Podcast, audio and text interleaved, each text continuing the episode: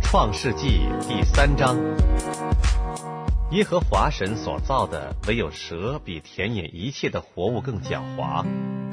蛇对女人说：“神岂是真说，不许你们吃园中所有树上的果子吗？”女人对蛇说：“园中树上的果子我们可以吃，唯有园当中那棵树上的果子。”神曾说：“你们不可吃，也不可摸，免得你们死。”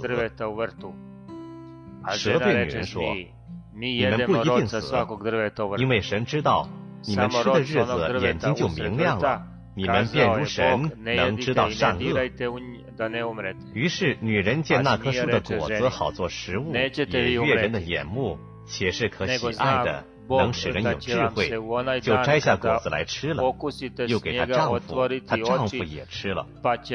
他们二人的眼睛就明亮了，才知道自己是赤身露体，便拿无花果树的叶子为自己编做裙子。天起了凉风，耶和华神在园中行走，那人和他妻子听见神的声音，就藏在园里的树木中。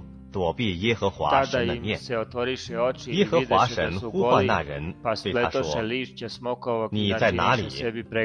他说：“我在园中听见你的声音，我就害怕，因为我赤身露体，我便藏了。”耶和华说：“谁告诉你赤身露体呢？莫非你吃了我吩咐你不可吃的那树上的果子吗？”那人说：“你所赐给我与我同居的女人，她把那树上的果子给我，我就吃了。”耶和华神对女人说：“你做的是什么事呢？”女人说：“那蛇引诱我，我就吃了。”耶和华神对蛇说：“你既做了这事，就必受咒诅。”比一切的牲畜野兽更甚，你必用肚子行走，终身吃土。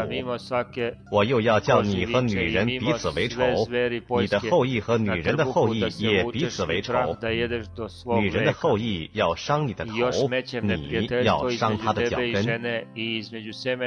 又对女人说：“我必多多加增你怀胎的苦楚。”你生产儿女必多受苦楚，你必恋慕你丈夫，你丈夫必管辖你。又对亚当说：“你既听从妻子的话，吃了我所吩咐你不可吃的那树上的果子，地必为你的缘故受咒诅，你必终身劳苦才能从地里得吃的，地必给你长出荆棘和吉利来。”你也要吃田间的菜蔬，你必汗流满面才得糊口，直到你归了土，因为你是从土而出的，你本是尘土，仍要归于尘土。亚当给他妻子起名叫夏娃，因为她是众生之母。耶和华神为亚当和他妻子用皮子做衣服给他们穿。耶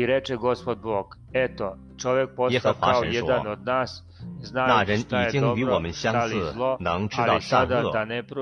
现在恐怕他伸手又摘生命树的果子吃，就永远活着。” 耶和华神便打发他出伊甸园去耕种他所自出之土，于是把他赶出去了。又在伊甸园的东边安设基路伯和四面转动发火焰的剑，要把守生命树的道路。